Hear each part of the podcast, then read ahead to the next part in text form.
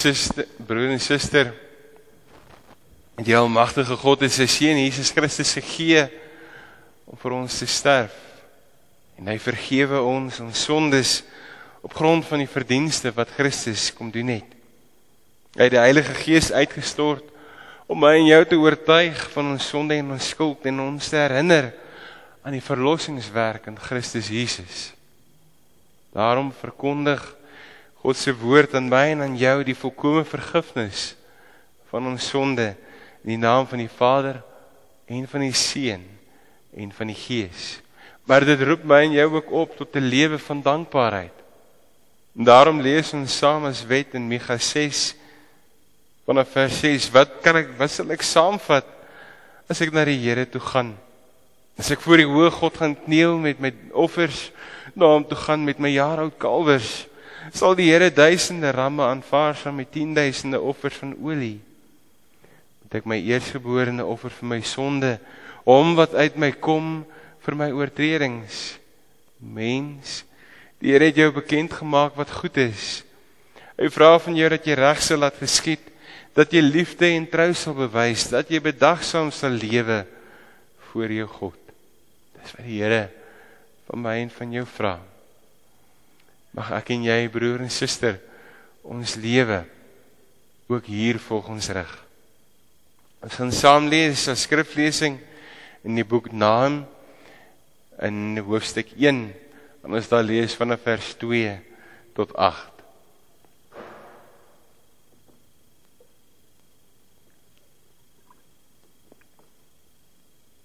Voordat ons saam lees, kom ons bid saam.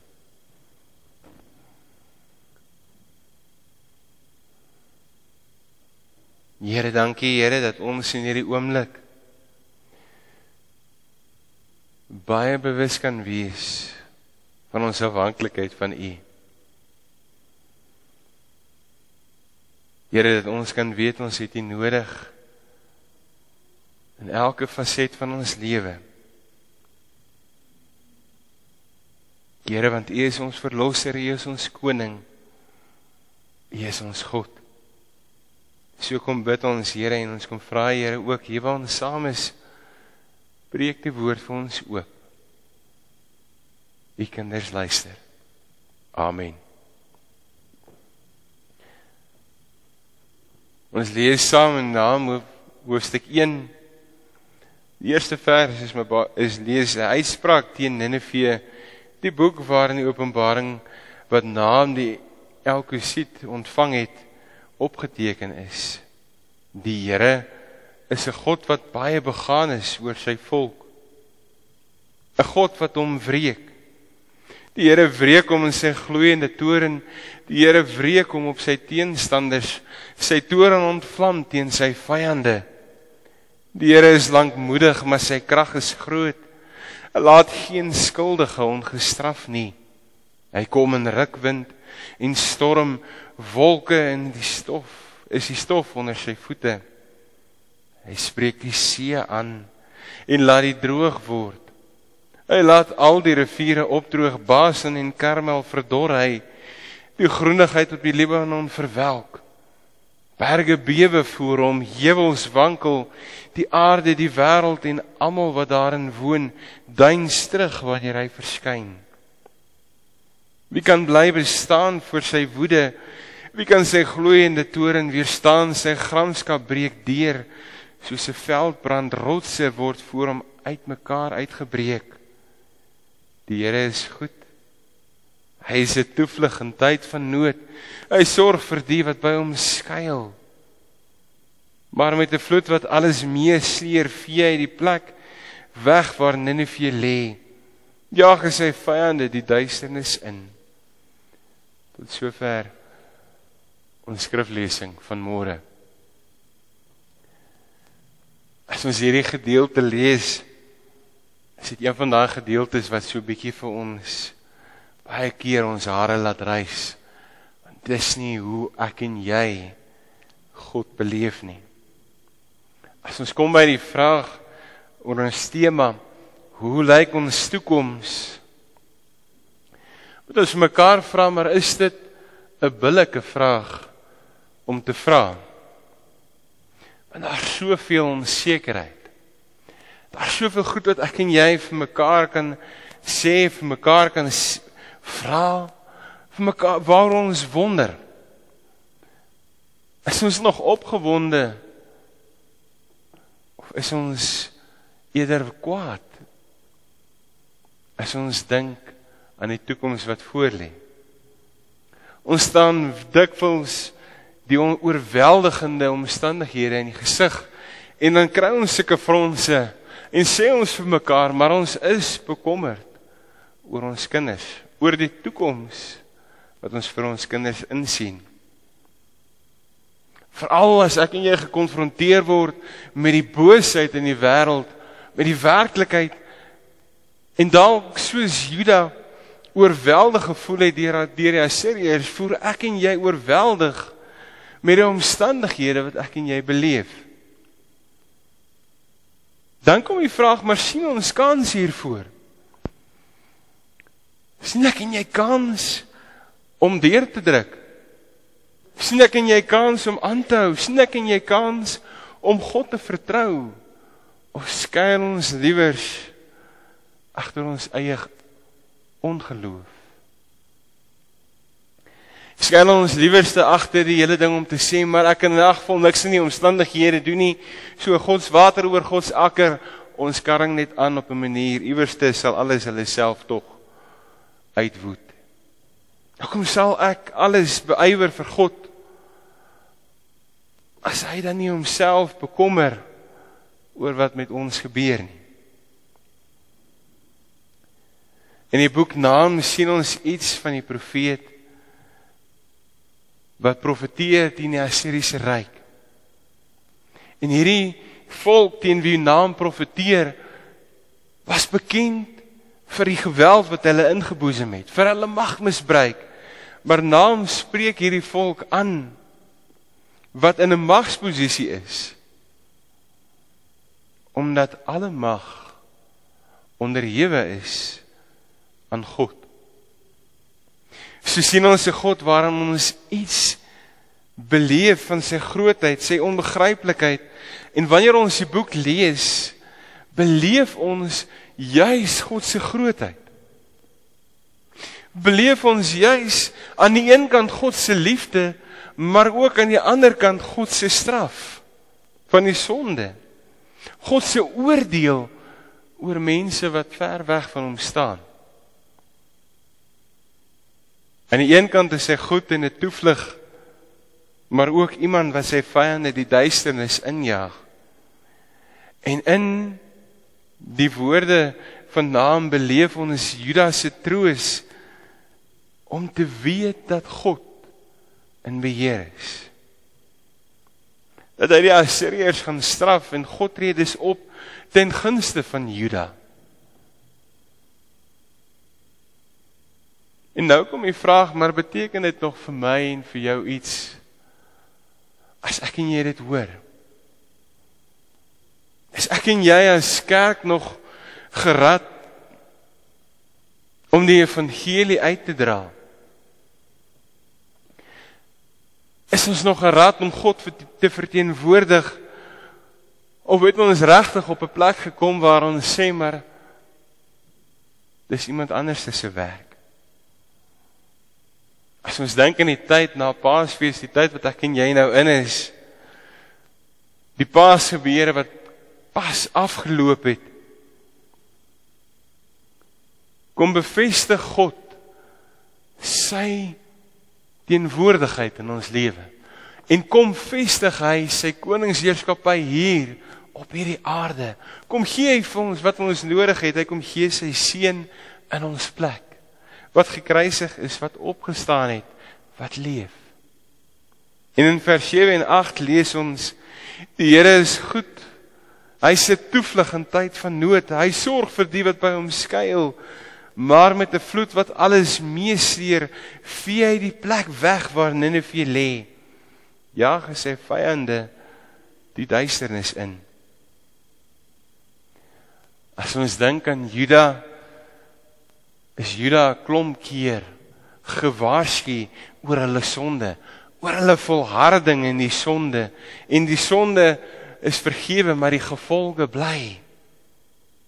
En so sien ons juis Israel aan die een kant en Juda aan die ander kant wat die algehele gevoel gehad het dat God sy kinders vergeet.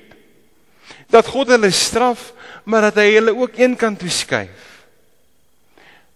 En in hierdie woorde van naam lees ons juis hoe hierdie verbondsgod, God wat met my en met jou in 'n verhouding kom staan, kom sê maar hy sal ons nooit los nie. Hy sal altyd teenwoordig wees. Hy sal by ons wees. Ons kan by hom skuil. Is hierdie woorde by die volk van Juda hoor. Aan die ander kant word die volk herinner dat God nie net links en regs verwoes nie, maar in sy toorn getrou bly aan sy kinders. Daarin sien ons dit duideliker juis as in die paas gebeure nie sien ons nêrens anders te sien ons dit nie duideliker as waar Christus sterf ter wille van my en van jou nie maar dat hierdie God hierdie Christus opstaan. En daarom kan ek en jy met die hoop leef. Dat God by ons teenwoordig is. As ons dink aan ons eie lewe as ons dink aan ons as gemeente is ons baie keer uitgelewer aan 'n klomp negatiewe goed. Baie keer het ons en loop ons die hoop wat God vir ons inhou mis. In plaas daarvan om God te vertrou en plaas daarvan om soekend na God se wil te wees, na dit te bid en te vra, het ons hoop verloor. So beleef ons ook aan die ander kant in hierdie selfde gedeelte die gedeelte wat ons hare laat reis. Die gedeelte van die oordeel van God. Want die inwoners van Ninive het hulle self vergelyk met leeu's. Hulle het vir hulle gedink dat hulle die mag en beheer het. Al het die God, al het God die volk Assirië gebruik om sy volk te straf en sy optrede van die volk nie verborge was nie. Sal hulle tot verantwoording geroep word. God se geregtigheid word geopenbaar en sy straf word volbring. Broer en suster, hierdie is een van daai gedeeltes wat ek en jy met die harde werklikheid van ons geloof gekonfronteer word. God is 'n God van liefde. Maar hierdie God hy's onverdeelde trou aan hom. Hierdie Here vra vir my en vir jou 'n lewe wat gebou is in 'n verhouding met hierdie Here. Hy kom gee alles wat ek en jy nodig het. Hy kom gee alles wat ek en jy ten diepste in ons behoeftes in ons menslike wese nodig het. Hy vra van my en van jou om op hom te vertrou. En as ons terugkom by die begin oor hoe lyk ons toekoms? Ons dien 'n God wat in sy genade en sy liefde en sy oordeel ook aan ons openbaar. Ons sien dit in die kruis van Christus wat gesterf het wat alles op sy seun wreek en ons beleef ook die oorwinning, die liefde, die opstanding, die genade wat God vir ons gee. As ons dink oor die vraag oor hoe lyk ons toekoms, moet ons eerder vir mekaar vra, maar waar pas God in?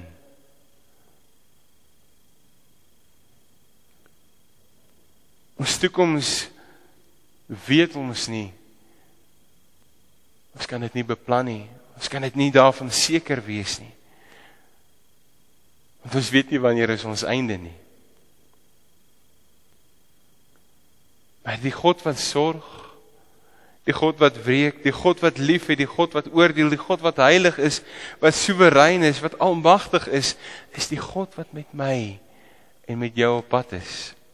En daarin lê ons hoop. Hierdie Here kom nooi my en jou uit om met hom in 'n verhouding te staan. En broer en suster, dis my en jou keuse.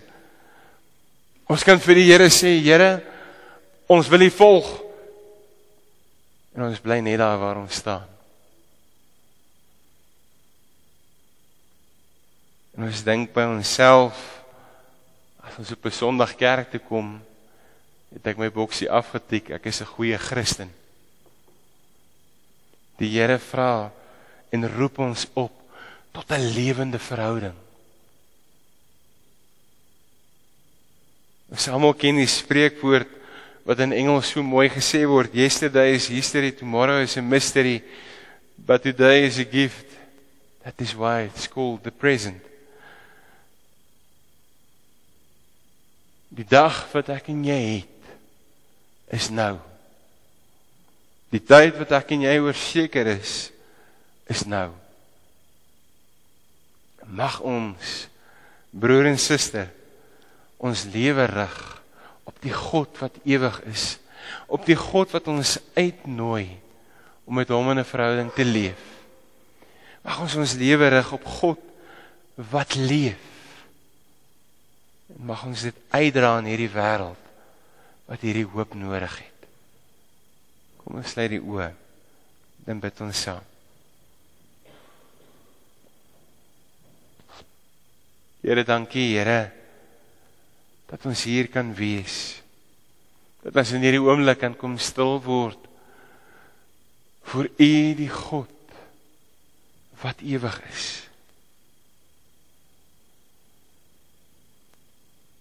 Dankie Here dat ons laag kan kom by Here voor U die God wat ons nooit los nie.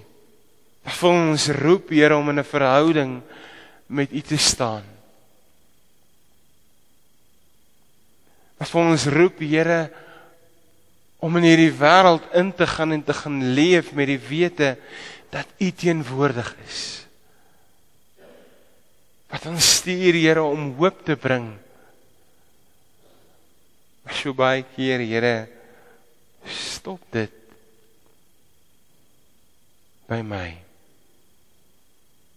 Stop dit by my eie selfbelang. Mag ons Here die eie ek eenkant toe skuif en U volg. Ons kom bid dit en ons kom vra dit Here in U naam. Amen.